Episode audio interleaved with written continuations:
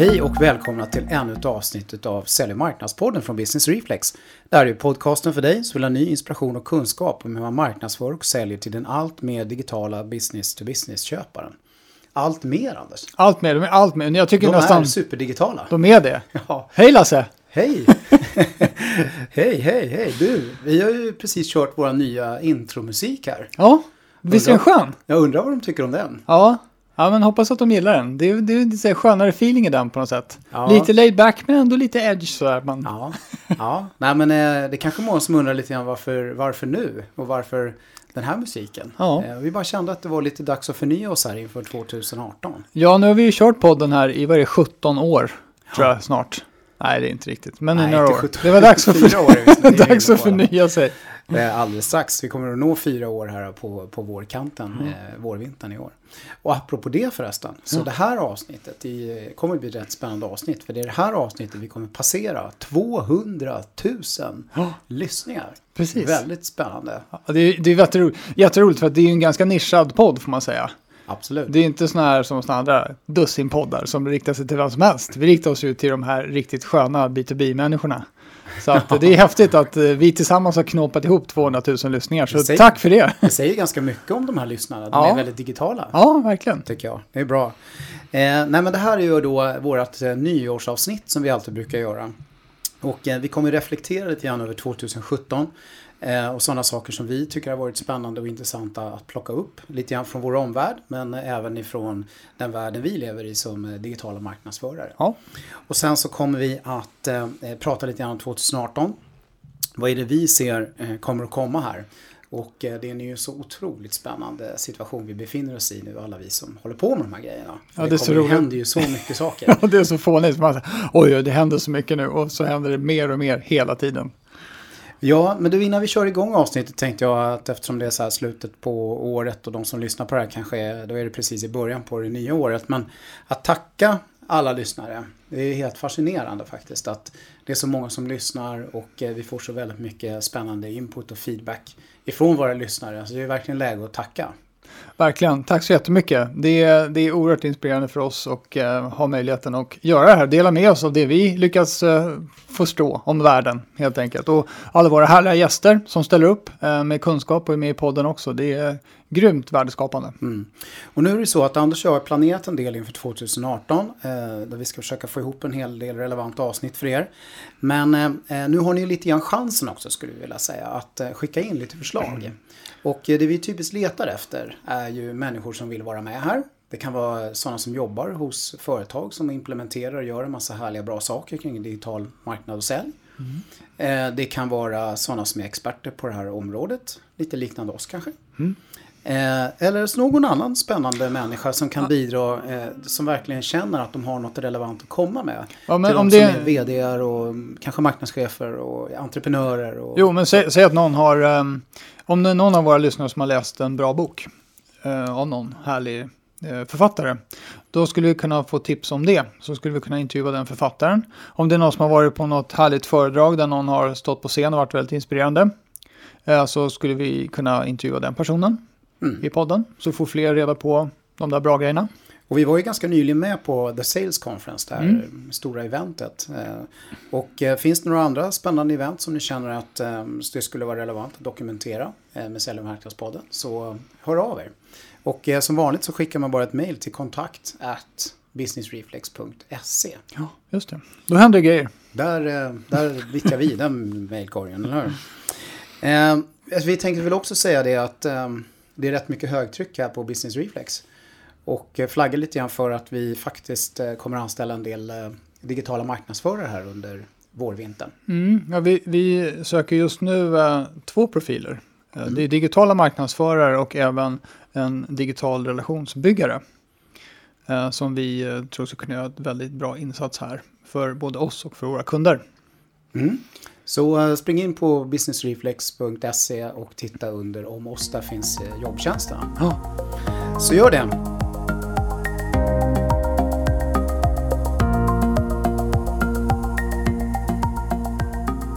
Nu tror jag att vi tar och börjar prata om eh, vad som har hänt 2017. Eh, vilken ände ska vi börja i, Anders? Ska vi börja med omvärlden? Ja, det gör vi. Det är ju helt Den stora världen där ute. vad som händer i den här stora världen. Det som ligger närmast till oss till hands är ju den här digitaliseringstrenden. Precis, det, nu har det ju, ja, och det har ju, det har ju hållit på och mullrat nu, vad är det, eh, ett par år i alla fall, ett och ett halvt år. Men det har inte, det har inte direkt blivit mindre av det senast under 2017. Nej, det jag tycker har varit väldigt intressant eh, i år, det har varit allt det här pratet kring eh, Robotic Process Automation och Artificial Intelligence. Och att båda de här fenomenen börjar bli på riktigt. Och eh, jag läste bland annat en, en riktigt gedigen rapport skriven utav eh, McKinsey. kan länka till den i, eh, i bloggposten ihop med avsnittet så, så att ni kan hitta den, för den kan man ladda ner. Det är 80 sidor någonting. Riktigt eh, mycket research bakom den. EU-sponsrad rapport. Eh, där det visas att de länder som verkligen satsar på det här med Robotic Process Automation, automatisera arbetsprocesser med hjälp av robotar, programvarurobotar och AI ligger klart eh, före eh, andra länder. Och eh, i Europa då så är det nio länder som verkligen ligger i framkant och Sverige ligger tvåa utav de där nio länderna. Ja, Och eh, vi ska inte dra hela undersökningen här, men det man visar är ju att den här, allt det här har ju redan börjat. Men man kan framspåra att, att de här länderna eh, som ligger i framkanten ska kunna få en BNP-ökning relativt de andra på 1,2 procent. ja så, så de, det var 1,2 procent bättre för de länderna som har fattat det Som satsar. Och då ser man också ganska tydligt att det faktiskt är rätt mycket människor och företag framförallt då, som har satsat på de här grejerna just i de här nio länderna och i Sverige. Det finns med i den här rapporten. Mm. Får jag bara fråga, de, de, den här, de här robotarna, vilken typ av robotar pratar man om? Ja, och det är det som är så intressant att det här med Robotic Process Automation då eh, känns verkligen som ett försteg in i AI väldigt mycket. För att en, en, eh, en programvarurobot, den har man ju för att automatisera en redan befintlig process. Man har en process som man har dokumenterat som delvis gör, som görs av människor. Och så försöker man då använda sån här RPA-programvara då för att, så att säga, göra det mänskliga arbetet. Men det är ingen AI inblandad utan den gör det människorna gör. Eh, och eh, man kan naturligtvis spara väldigt mycket tid och sånt här. Men man kan också naturligtvis eh, öka kvalitet. Och man kan göra massa saker snabbare och bättre och skapa större kundvärde med hjälp av det här. Just det. Och om man har börjat att implementera Robotic Process Automation och få, få utnyttja det. eh, Då är det mycket lättare sen att lägga på liksom AI som en mer avancerad variant av det här.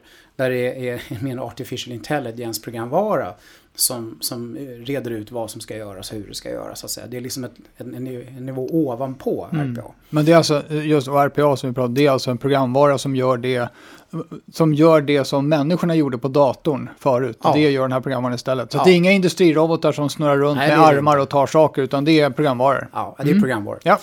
Och, eh, och just det här att man inser då att det gäller att ha otroligt mycket ordning och reda på alla sina processer och dokumentera sådana här saker för att man ska kunna ta det här steget till RPA. Och tar man steget till RPA så har man mycket lättare att ta steget till AI sen. eh, För att kunna utnyttja det. Så att, eh, ja, det tycker jag är en väldigt spännande trend och en otroligt spännande undersökning som verkligen visar också på att eh, det här för både länder och självklart då företag framåt eftersom företag.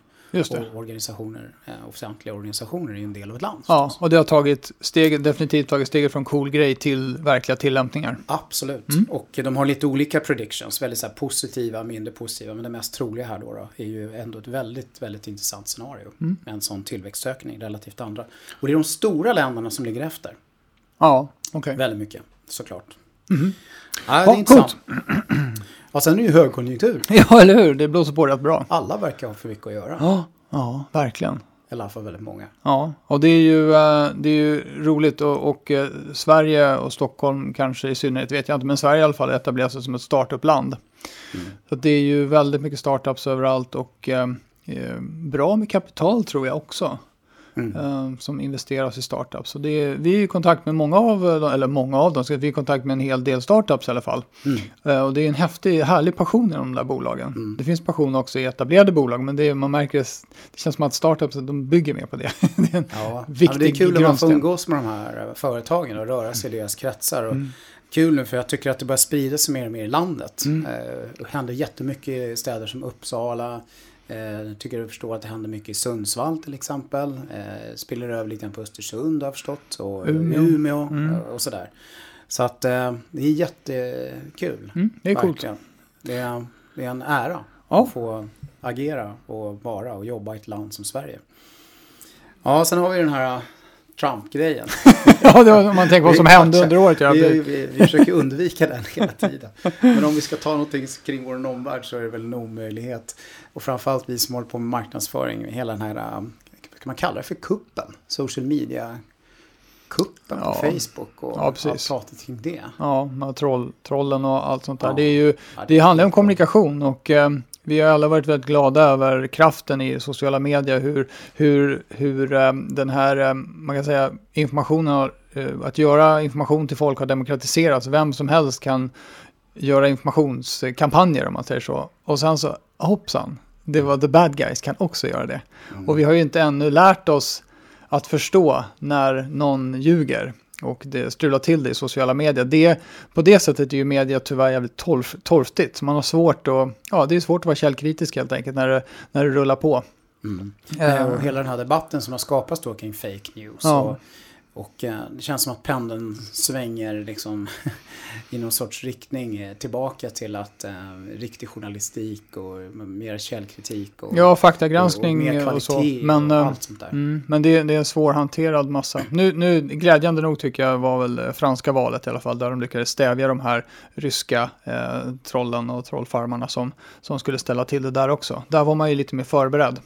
Eh, och eh, i USA togs man ju rejält på sängen av det där och kunde liksom inte stävja det överhuvudtaget. Men franska valet, eh, det, det, gick ju, det gick ju på något sätt vägen, känns det som, demokratiskt och, och på något sån här rimligt hedliga grunder. Så det är bra. Ja, det ska vi se. Det kommer ju ett svenskt val också här. Ja, spännande. Så att, det ska bli intressant att se hur det kommer se annorlunda ut den här gången. Mm. Det måste vi vara med och följa och rapportera kring. Ja, och i vår egen bransch då? Vad ska man säga där då, Anders? Vad har varit de stora grejerna 2017 tycker du? Jag tycker att um, det känns som att poletten på något sätt har ramlat ner riktigt ordentligt vad det gäller content. Mm. Vi har ju hållit på och babblat om det här i många, många år, om att content is king och allt det här, att man, man ska ha det. Men nu känns det som att det har blivit, det är allmänt accepterat.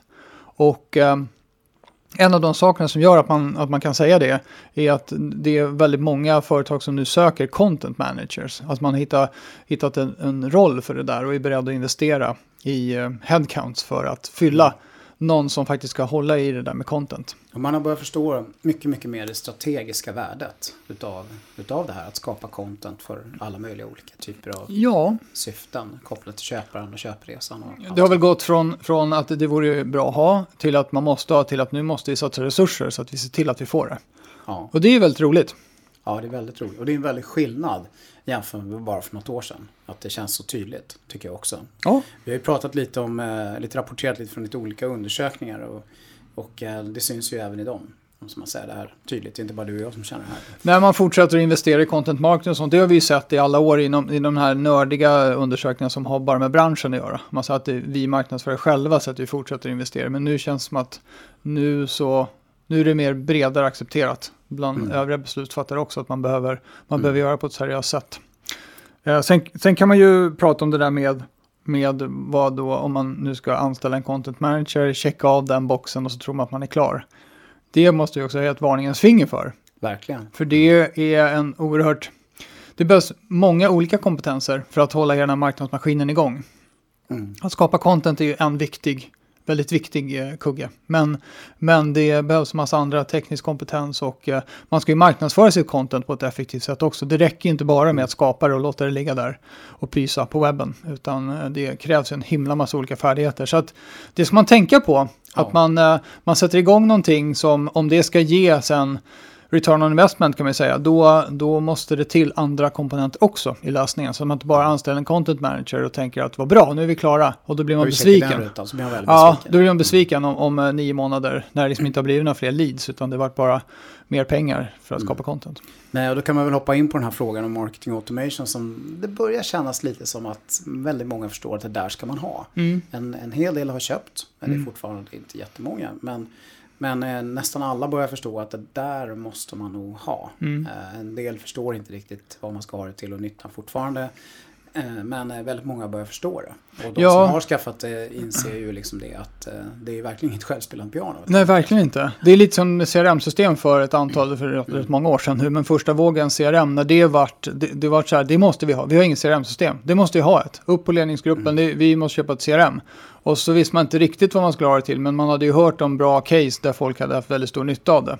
Och nu tror jag vi är där ungefär, den mognadsfasen på marketing automation.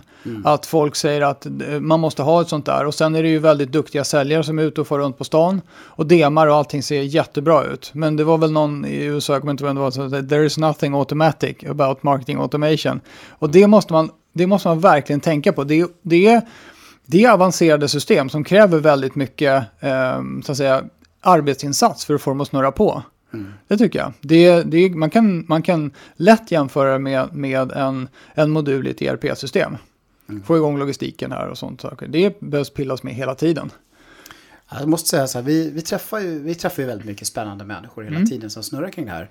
Och en person som vi träffade båda två, som eh, vi båda två var så här bara shit, han hade fattat grejen. Kommer du ihåg han, han som fick priset på The Sales Conference för eh, eh, Commercial Director? Just det. Han, han heter ju Christian Hed. Eh, jobbar på ett företag som heter Soluno. Jag Just tycker han var så skön. För han, det kändes som han hade liksom fattat hela den här grejen. Alla de här olika komponenterna man måste ha på plats för att verkligen få det här att funka ordentligt. Ja, och han tryckte väldigt mycket på experimentlusta. Att, att han hade fått eh, ledningens förtroende att experimentera och eh, lägga pengar på någonting som han i förväg inte visste om det skulle vara den absolut perfekta lösningen. Men eh, jag, han var ju väldigt tacksam över det utrymme han hade fått. Vi får hissa Christian. Ja, men eh, cool kille verkligen. Vi intervjuade ju honom i, i podden från The Sales Conference, så det kan man ju lyssna på honom Precis, det var ett avsnitt sen. Men eh, en annan grej som hände som jag tyckte var ganska spännande, som inte var så där stor sak kanske egentligen och det, det, eh, det, det fick inte säga jättemycket medieutrymme, men det finns ju någonting som heter eh, Social Media Conversation Prism. Som han Brian Soley, som faktiskt har varit med i vår podd. Just det, han med tidigare i år. Ja, det, han, han skapade den där för ganska länge sedan nu. När social media började precis dyka upp. Eh, och det kan vi verkligen rekommendera er att gå in och titta på den. Eh, Conversion Prism är, heter faktiskt webbsajten. Social Media Conversion. Conversation Prism heter den. Och eh, det, det är så roligt för att se där att det finns otroligt många social media-lösningar. Ber, berätta hur- bara snabbt vad den Ja. handlar om. Jo, det den gör den här Prisman, det är att man kan helt enkelt, det är ett hjul, Mm. ett runt hjul. Och sen så är det indelat i tårtbitar. Och sen har man då, varje tårtbit representerar en sorts, vad säger, social media. Okej? Och det är så kul att se då hur, hur social media liksom täcker in eh, hela det här skopet utifrån olika vinklingar, olika perspektiv. Man, man har social media för så många olika syften. Och social media är ju som inte bara en grej utan att det är så många olika grejer. Och där har han ju då ritat in då alla de så att säga lösningar som finns inom respektive tårtbit. Ja. Så man kan snabbt skapa sig en bild över liksom ja, Så det kan vara olika bra om man- system Ja. liksom används. Och en, bild över social media-landskapet. Liksom. Och, och som någon form av eh, beslutsunderlag eller inspiration till att skapa en kanalstrategi. Ja, Beroende på vad du vill Mm. åstadkomma så har vi de här grejerna som... Precis. Mm, okej. Precis. Så det, det tycker jag. Den har varit uppdaterad nämligen. Det Ja. kom en ny version i år här. Ah, ja. Det var några år sedan sist. Bra så tips. Att, eh, så den är fin och fräsch. Yes. Ehm, ja du, Anders. Det var Vad har hänt på Business Reflex då? Ja, vad har hänt på business? Det, det, om vi ska prata lite oss själva. Det är ju Ja, lite. kul, ja tycker jag. vi har ju eh, vi har lanserat en, en till podd.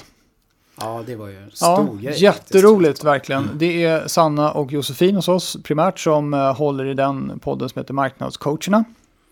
Där de kör varje vecka så har de ett avsnitt där de går igenom ungefär en kvart, en kvart långa avsnitt. Där de går igenom olika, hur man gör olika saker rent praktiskt inom marknad, digital marknadsföring. Alltså de kallar det för en crash course, eh, olika saker. Hur man optimerar en bloggpost, ehm, och ehm, ja, massa, massa olika bra, synnerligen konkreta tips om hur man ska bli en bättre digital marknadsförare. Ja, de har kört 15 avsnitt nu och touchat in på rätt många olika såna här nyttiga områden som Mm. väldigt många kan ha glädje av. Så lyssna in på den. Ja, verkligen. Den. Kan vi tipsa om. Och eh, eh, annars så gjorde ju du och jag ett poddavsnitt faktiskt som var lite udda.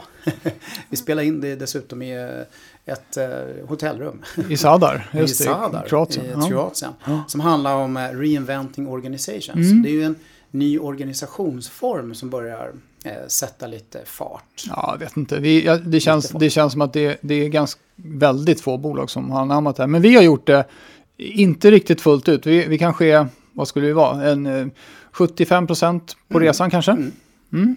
Och det, det, handlar om en, en eh, total eh, chefsfrihet i organisationen. Men ändå en jäkla ordning och reda ska man säga. Med, vi har processer och rutiner för allt det vi ska åstadkomma. Till exempel så har vi då designat en, en eh, beslutsprocess. Jag vet inte om det finns så många företag där ute som vet exakt hur alla beslut fattas. Men det vet vi.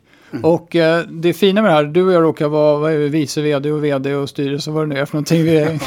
Men det har ingenting med saken att göra, utan alla kan fatta vilket beslut de vill och det finns ingen som kan överpröva eh, ett beslut. Men man måste följa våran rådfrågningsprocess för att mm. kunna fatta ett beslut. Så det, det, är så jäkla häftigt alltså. Vilken fart det har blivit på innovationen och engagemanget i bolaget. Det är fantastiskt inspirerande. Ja, verkligen. Så att eh, ni som är lite nyfikna på den här organisationsformen då, ni kan ju lyssna in på avsnittet, Reinventing Organizations avsnittet. Mm. och det är ju ganska många som har hört av sig faktiskt till oss också efter det här och är nyfikna på det här. Och... Jag tycker att det finns ett väldigt stort intresse. Så fort man pratar om det så vill folk höra mer. Och, och de, de eh, tycker att det låter helt galet till att börja med. Just att man tar bort chefer, det låter ju lite ansvarslöst. Men det är verkligen så att det, det har det är, att ha chefer, det är ju ett sätt att på något sätt få ordning och reda på saker och ting. Men ungefär också lägga en blöt filt över alltihop. Mm. det finns andra sätt att få ordning och reda och sprutt på sitt företag. Och målstyrning och hela, hela paketet utan att ha det här gamla traditionella. Och det är riktigt häftigt alltså. Ja, verkligen. Mm. Ja, så lyssna på den.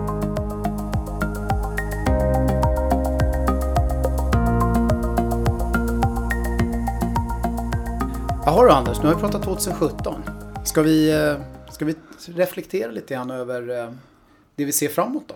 Ja, nu jäklar. Nu ska vi tala om hur saker och ting kommer att bli. Så här, nu kommer facit. så kan ni lyssna på det här om ett år igen och bara checka av dem i ordning. Ja, eh, alltså det finns så mycket att prata om. Men vi, vi har ju valt några grejer som vi tänkte vi skulle fokusera lite extra på som jag tror är extra viktiga för er lyssnare nu att mm. verkligen ta fasta på här inför 2018. Och den första punkten är ju är det här pratet kring eh, Martech. Det, det har blivit en hel, fintech finns det ju en bransch som heter mm. fintech startup som jobbar i den finansiella Deep. industrin. Och det finns medtech och, mm. och så finns det Martech som är då marknadsföringsteknologi kan man väl kalla det för. Ja, Verktyg för marknadsföring.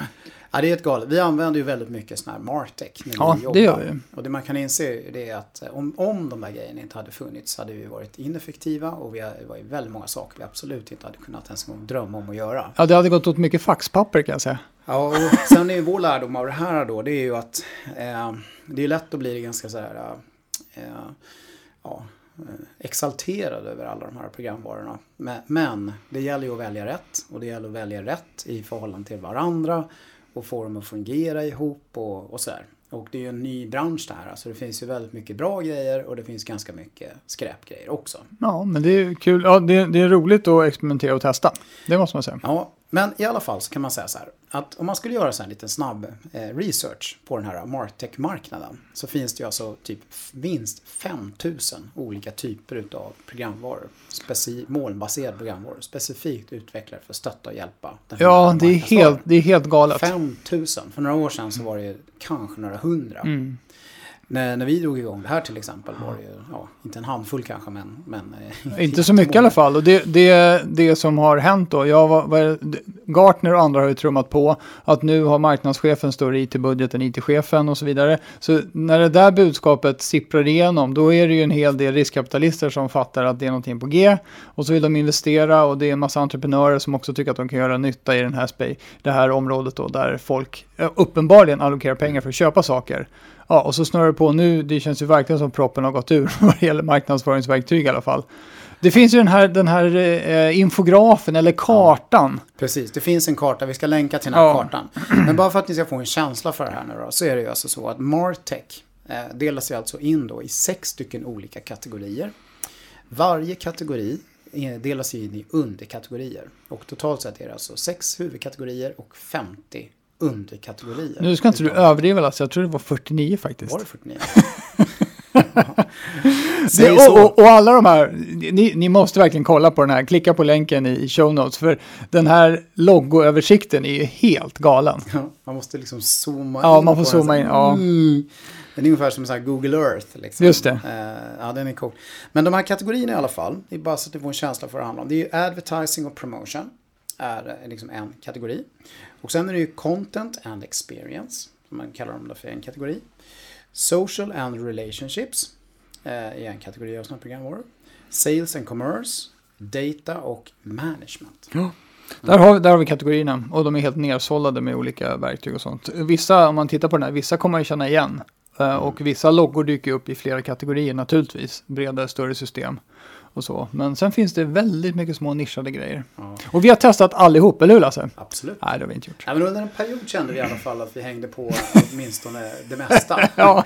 Men eh, i ärlighetens namn så finns det inga möjligheter. Vi har, halk, vi har halkat efter lite grann ja, nu. Ja, ja nej, så det är intressant. Kika in på infografen. Och sen då eh, är det ju då en kategori som det har pratats mycket mindre om eh, av sådana här programvaror. Som, men det nu börjar pratas mycket mer om. Mm. Och det är Sales Tech. Just det. Så nu börjar det liksom spira upp här ordentligt. Eh, och vad är det då? Ja. Ja. det är ju då motsvarande kan man säga. Martech. Ja. Eh, fast eh, mera riktat då kopplat till sälj och Ja. stödja säljarna. Säljarnas verktygslåda. Och Martech är marknadsförarnas Det är verktygslåda. klart de flyter ihop lite grann de här förstås, men, men ändå. Mm. Eh, och eh, det är ju helt galet. Det är ju kategori det här med. Ja. Man blir alldeles matt. Ja, Eh, det är inte 5000 är det inte. nej inte ännu. Räknar vi dem förresten? Alltså vi- Eh, 800. Ja, Du menar loggor? Ja. Ja, jag har inte räknat dem. Men det, var, det är nog för att man, det, det, 50, det räcker att bli över. Och, och eh, det här är ju intressant då för att jag eh, tänker att eh, det finns ju de som hävdar att försäljning är en konstform och sånt där, att det inte lämpar sig för eh, så mycket digitalisering och, och så vidare. Men det finns en otrolig massa verktyg som gör att man, man behöver få, eh, det ställer ju krav på en struktur i säljprocessen om man ska få ut kraften ur verktyg som hjälper säljarna. Då måste man göra på ett visst sätt. Mm. Så att det, det här, jag tror att genomslaget för de här verktygen kommer också innebära väldigt stora eh, förändringar i säljarens roll och vilka typer av personer som, Mm. som är säljare. Ja, jag tycker det är intressant med de här kategorierna. Så det är galet. Den verkligen följer alla de här olika utmaningarna man har när man ska bli framgångsrik kopplat till, till eh, eh försäljning. Eh, I alla fall när det är mer, mer avancerad eller halvavancerad. Ja, alltså de, de, ja, det är ju på någon form, av, någon form av köpprocess eller säljprocess snarare inifrån och ut tänk här i de där kategorierna. Så vi har Who to sell to and why. Det finns alltså en hel kader med verktyg för att leta fram prospect som är Mm. bra, som man ja, ska då statistiskt sett vara bra hitrate på för ett specifikt bolag. Ehm, och, eh, och sen så har vi eh, How to engage and when. Och då blir det ju så här, vi har hittat dem vi ska sälja till. Och nu är det frågan om hur ska vi approchera dem och när ska vi göra det. Öppna när-. Ja, precis. Och sen har vi why they should buy and from you. så varför ska de köpa nu? Compelling reason to act och hela det här. Och varför eh, så här, en USP-bingomaskin kanske det är. Jag vet Ja, inte. ja. ja jag, jag, jag, jag känner igen en del eh, grejer där. Och sen har du då what to do to close. Så då blir det tips om hur man sjutton ska stänga affären. Mm. Ehm, och eh, sen har vi då när man har gjort det så finns det verktyg för how to up, cross, sell and renew. Mm. Så det är ju då hur man får, ja, ökar footprint hos kund helt enkelt. Och då finns det, då finns det verktyg för det. Ehm, och sen då den sista, det är mer en, en um, man säger, säljledningskategori. Eh, kategori. Ja. Eh, där så how, ja, how to compensate, train, on, eh, on board, reinforce and coach. Mm. Sales då får man ju säga. Så det är hur gör man allt det där för att få till en motiverad och kunnig eh, säljkår. Där finns det grejer också finns det att hämta. Så det, vi, vi ska ju länka till den infografen också. Första gången jag såg de här eh, i, de- i de uppdaterade tappningarna, det var ju eh, när Joakim Rönnblom från Protocell visade dem för mig. Måste, han måste få lite cred också för att han har grävt fram de här grejerna. Finns i deras undersökning. Ja, det är otroligt intressant. Och de här grejerna i mångt och mycket, de kompletterar ju de här traditionella liksom, CRM-verktygen och Salesforce Automation-verktyg. Ja, kollar man på traditionella CRM-system så är de otroligt lama vad det gäller att hjälpa säljare med någonting. Det är ju bara, typ en, det är bara ett litet arkivsystem där man ska stoppa in kunddata ja, i princip. Så att, så att uh, mm. kanske någon, någon hungrig säljchef ska få en forecast och slå i huvudet på någon annan. Så, vidare. så det är väl, det är, ja, nej, men det är väl det som, det är väl där CRM-systemen har gjort mest nytta. Att få se, att få koll på sin pipe. Men det här är ju verktyg som faktiskt hjälper säljaren i alla de små arbetsuppgifter som behöver, eh, man behöver vara duktig på för att få till affären. Precis. Annars då, vi har ju pratat mycket om det här eh, med content managern. Att man börjar inse liksom att man behöver ha sådana här eh, som en trend 2017. Men nu 2018 då. Nu ska ju de där ut och jobba ordentligt, de här content managerna. Eh, och eh, vi var inne på att det är verkligen inte bara det det handlar om. Men när man väl ska få det att funka så det de behöver fokusera på, de här content managerna, det är ju att få med alla. Det räcker inte bara en content manager. Utan det gäller att få med människor här. Och få dem att hjälpa den här content managern att producera grejer. Ja, just det. Det, det, det är nog en väldigt bra strategi att se till att det här, det här med contentarbete är ett samarbetsprojekt. Mm. Med egentligen så många som möjligt inblandade från bolagets sida. Eh, så att man inte tror att man har anställt den här personen och så får den en dator Eh, och ett skrivbord och så var det klart sen. Mm. Utan det är det som du säger Lasse, se till att göra en bred acceptans för att content är viktigt och sen så kanske den här personen mer faciliterar processen snarare än mm. att bara, alltså jag tror också att den här personen ska vara produktiv textmässigt och så. Ja. Men det finns ju content i massa olika färger och former. Det är, ja. Man kan inte behärska allting. Och sen så är det just det att den här personen sitter ju inte på all expertis. Eh, som man behöver ha tillgång till för att kunna skriva värdefulla saker. Nej, och se till då att man fokuserar på, på rätt kvalitet och framförallt då att det blir relevant hela tiden. Ja, att det är faktiskt... För den som ska ja. ha det. Exakt, för det, det är också om man bara sätter igång och sprutar ur sig content utifrån sitt eget expertområde. Då blir det ofta så att experter ska ju, det första de tänker på är att de ska imponera på andra experter. Vilket gör att kunderna kommer inte fatta ett dugg.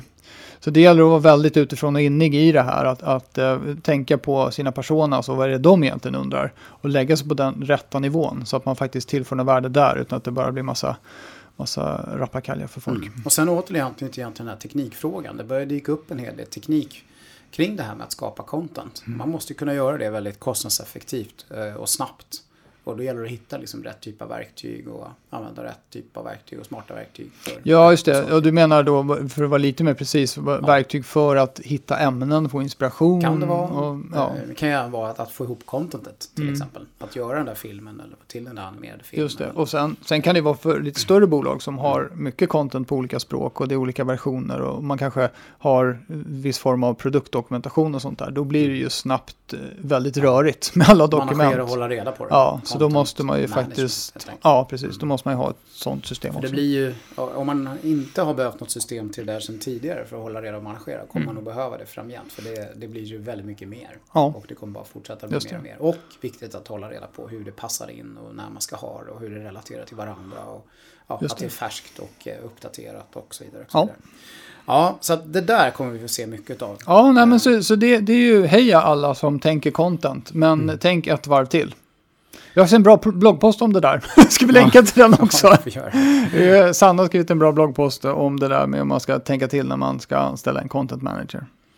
Ja, sen tycker jag att vi har pratat mycket om den här moderna marknadschefen. Ehm, jag tycker att man börjar liksom se mer och mer att det dyker upp lite så här äh, riktigt moderna marknadschefer som tänker rätt annorlunda än den traditionella marknadschefen. Jag hade faktiskt nöjet att få träffa en sådan här om dagen var rätt fascinerande. Eh, titeln marknadschef men fungerade mycket, mycket mer som liksom affärsutvecklare och liksom strateg liksom på det här företaget. Mm. Eh, snarare än en traditionell marknad. Mycket förståelse kring marknad och sälj men men hade liksom en helt annan eh, angreppssätt liksom, och tankesätt i, i eh, hur marknaden skulle addera värde på det här bolaget mm. framgent. Väldigt visionärt och sådär. Ja, var mm. riktigt eh, frisk, frisk fläkt. Ja, nej, men, så, så är, man, dyka upp, är man framåt och duktig som marknadschef då kan man ju ta eh, positionen eh, som ligger mer åt affärsutvecklingshållet. Mm. Eh, för, för att man har både möjlighet och tillgång till eller man har, man har möjligheten att testa väldigt många saker och testa affärer,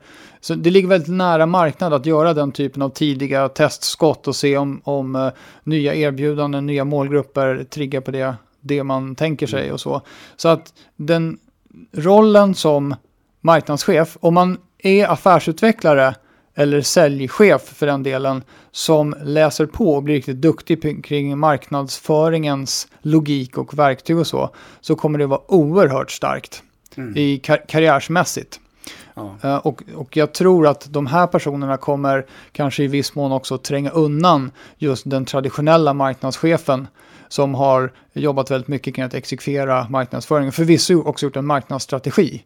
Men jag tror att affären kommer att eh, som in, affären kommer innehålla mycket marknadsföring och när det är integrerat i det tänket då kommer det bli lite grann som att marknadsföring blir inget särskilt på sikt. Utan Nej, det kommer vara integrerat i det man gör. Det är det vi marknadsförare har, har eh, eh, lite grann pratat om så länge, att det måste vara en del av allting inom mm. företaget. Vi genomförde det här webbinariet här för några veckor sedan eh, där vi pratade om de här fem faserna i marknadsfunktionens utveckling. Och eh, den här typen av marknadschef kommer ju verkligen behövas, framförallt om man ska nå fas 4 och fas 5, mm. kanske fas 3 i den här utvecklingen. Så det är kul att se att de börjar dyka upp. alltså, du kan, du kan inte säga sådär att det finns fem faser och inte nämna vilka det är. Fem, fas 5 i alla fall, alltså, ja. Det är ju när marknadsföringen i sig genererar pengar. Ja, Eller Då har man ju kommit rätt långt. För, för, det har ju varit, det är ett kostcenter i de flesta sammanhang, men man kan ja. faktiskt se till att marknadsföring genererar pengar om den till, ja. i, till hög kvalitet. Ja. Och fas 4, då, då är marknadsföring inblandad egentligen hela kundlivscykeln. Just det. Och man använder digital marknadsföring och marknadskommunikation för att optimera upplevelsen av det vi gör. Ja. Helt enkelt. Och i fas 3 där handlar det framförallt om att generera nya affärer och mm. använda digital marknadsföring på ett smart sätt för att, mm. för att, så att säga, generera nya affärer. I fas 2 där har man förstått att man behöver synas lite mer och eh, börja jobba med content och sprida det för att mm. få högre, mer trafik och bli hittad för andra saker och ting mm. som inte nödvändigtvis bara handlar om en själv. Mm. Och i fas 1 pratar man mest bara om sig själv. Ja just det, då är det USPar, USPar och produktblad. ja precis. Så, det, så vi gick från 5 är den naturligtvis den man strävar efter. Och, och ett är väl den man behöver ta sig ifrån om man är där. Som ja, precis. kan man väl säga. Mm. Ja, eh, så är det. Och eh, Eh, det, det, vi touchar på här nu lite grann då, det här med, med eh, att man ska tänka hela kundlivscykeln. Eh, att man behöver vara med och inblanda i kundlivscykeln är ju en grej. Och vi har ju under året gjort två poddar som har fokuserat på det vi kallar för Experience Design. Mm. Ja. Var en podd. Mm. Det var den som var 108 med den här Brian Solis som har skrivit bok kring ämnet Experience Design. Men vi hade ju även eh, Arvid Axlan här, Just svensken, som har skrivit en bok som heter eh, Jakten på känslan. Just. Poddavsnittet är 106 och heter Skapa en upplevelse. Mm. Och där pratar man ju naturligtvis om att man måste tänka på hela kundlivscykeln och så. Men, men att marknadsföringen inte bara ska liksom, kommunicera, kanske skapa ett värde, utan har en extra touch, en extra nivå på sig som gör att man, man, eh, det blir en, en förstärkt liksom, upplevelse mm. utav oss och det vi gör och våra produkter och våra tjänster och så vidare. Och så vidare. Ja, jag tyckte, jag, när, när jag spelade in det avsnittet med Arvid, det var, det var så, jag tyckte själv att jag var så himla fånig. För det var som mm. att jag kom på att allting vi gör skapar upplevelser för folk. Jag menar, hur självklart är inte det? Men det kändes ändå som att, ja just det, man måste ju tänka, måste på, tänka på att så fort den här informationen eller den här, vad det nu är för någonting, träffar den här personen så kommer den personen medvetet eller omedvetet att uppleva någonting. Mm. Eh, och det måste man förstå i, i grunden. Mm. Eh, för att också kunna eh, se till att man har lite kontroll på det i alla fall. Mm. Och det, under 2018 så tror jag att väldigt många fler kommer lägga mer krut och energi på att verkligen på djupet förstå vad det är för upplevelse som de behöver leverera. Ja, vill leverera. och hur de ska få till det med hjälp av digital marknadskommunikation mm. på något sätt. Eh, än så länge tycker jag det mest har varit prat. Men vi är på väg att komma in i ett läge där det framförallt inom B2B då, kommer att bli lite mer liksom konkret verklighet. Där, ska jag säga. Mm. Och jag, jag, tänker att content är ju, är ju absolut ett väldigt bra steg på vägen. Precis. Handlar ju väldigt mycket om Ofta handlar ju content, den första nivån av content på något sätt väldigt mycket av stöd för det rationella att man har gjort en forskningsrapport och man, har, man skriver saker, fakta och delar med sig, checklistor för att man ska göra för att det ska, liksom, ja, man delar med sig av fakta och, och eh, best practice och sådana saker. men men eh, då, då, kommer det, det kommer med tiden att krävas att, att man gör det här på ett sätt som skapar en upplevelse och det kommer vara den som är så att säga, det viktiga. För vi köper ju alla med magen, även om vi tror att vi är superrationella homo sapiens som springer omkring så är det fortfarande reptilhjärnor i princip. Ja, och när man väl har blivit kund så är det ju så att konkurrensen är knivskarp där ute. Och det kanske är lättare än någonsin också att byta liksom leverantörer på olika sätt. Ja, det tror jag. Hoppa mellan olika produkter och Ja. tjänster än vad det någonsin Det är oftast ett säljargument. ja, att man blir- inte blir inlåst. Och upplevelsen då när man är kund är ju avgörande Ja. Och just, och när vi har pratat om det så många gånger också, så där de tillfällen som kunderna har att faktiskt hjälpa till eller stjälpa hela, hela lasset mm, om de har en dålig upplevelse. För man kan ju dela med sig av, av bra och dåliga saker på ett väldigt lätt sätt idag. Att, Och där tror jag vi kan knyta ihop det lite också kring det här med Martech och SalesTech. För att det, det måste man ha för att kunna åstadkomma de här grejerna. Ja, ja. experience-grejerna. ja, absolut.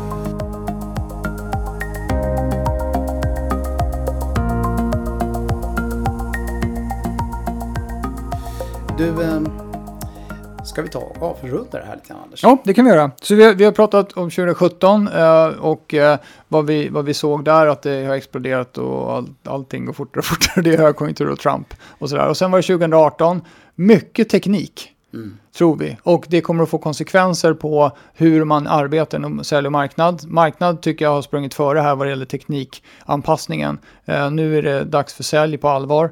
Och, eh, och sen har vi content is king då, då fast Ja. tänker för. Ja, och eh, allra sist då. Det, sätt fokus på, på era köpare under hela kundlivscykeln. Mm. Och förstå vad det är för typ av upplevelse ni måste leverera till dem. Just det. till det. Och ni levererar upplevelser redan idag kan vi tipsa om. Oavsett vad det är för någonting så gör ni det. Det gäller bara att göra det bättre. Ja, Eh, konkurrensen där ute kommer kräva det. Det kommer bli viktigare och viktigare att konkurrera med det än sina produkter och tjänster. just det. Du, eh, eh, så vårt konkreta tips här måste ju bli att titta på Martech. Alltså förstå vad som finns där ute. Det tycker jag inspireras av, av det som finns där ute. För det är, det är ju hjälpsamma, härliga människor som har skapat eh, då, information kring det här. Eh, så att man kan få en liten, ja, bli lite inspirerad helt enkelt och tänka vad man skulle kunna göra. För det, det, det är också de, de flesta av de här tjänsterna och produkterna där ute, de följer ju det moderna mönstret att det är till och med gratis i början. Många av dem. Så man, så det, det kostar lite tid att testa, men, men man kan vara experimentvillig. Ja, och, och Sales Tech då som betydligt färre ändå har börjat titta på. Börja titta där också Mm. för där bara exploderar det med grejer nu. Och det finns mycket saker som man inte ens har kunnat drömma om. Som många gånger kan vara väldigt relevanta att använda. Mm. Eh, För olika saker. Så att eh, det är mycket inspiration där också när man börjar titta på de här sakerna. Mm. Absolut. Så gör det verkligen. Gör det, det är tipset. Och, och länkarna till de här sajterna där ni kan hitta mycket av det här som ett första steg. De eh, ligger med här med poddavsnittet. Mm. Och eh, eh, nu har ju vi stått och pratat väldigt mycket om 2017 och 2018 här. Men vi lägger också med eh, två, som jag tycker i alla fall, intressanta länkar. En ifrån eh, Gartner eh, som sätter speciellt fokus på det här. Eh, och eh, eh, sen så har vi också en från Forbes som vi tyckte var en ganska bra intressant Ja, precis. De här två, de här två artiklarna. Gartner, de pratar ju om att min tolkning av det här fallet, Simon har fått massa pengar och investerat i massa grejer nu under några år. Nu är det dags att visa return on investment på det här. Vad ger det egentligen i affärsvärde? Och den andra Forbes-artikeln, den var lite så här kan man säga marknadsnördig. För det är, det är eh, om det var 15 stora marketing agencies i USA som Mm. blir intervjuade om vad de ser kommer att hända inom marknadsföring eh, under 2018. Det var lite kul att läsa. Mm. Ja, spännande.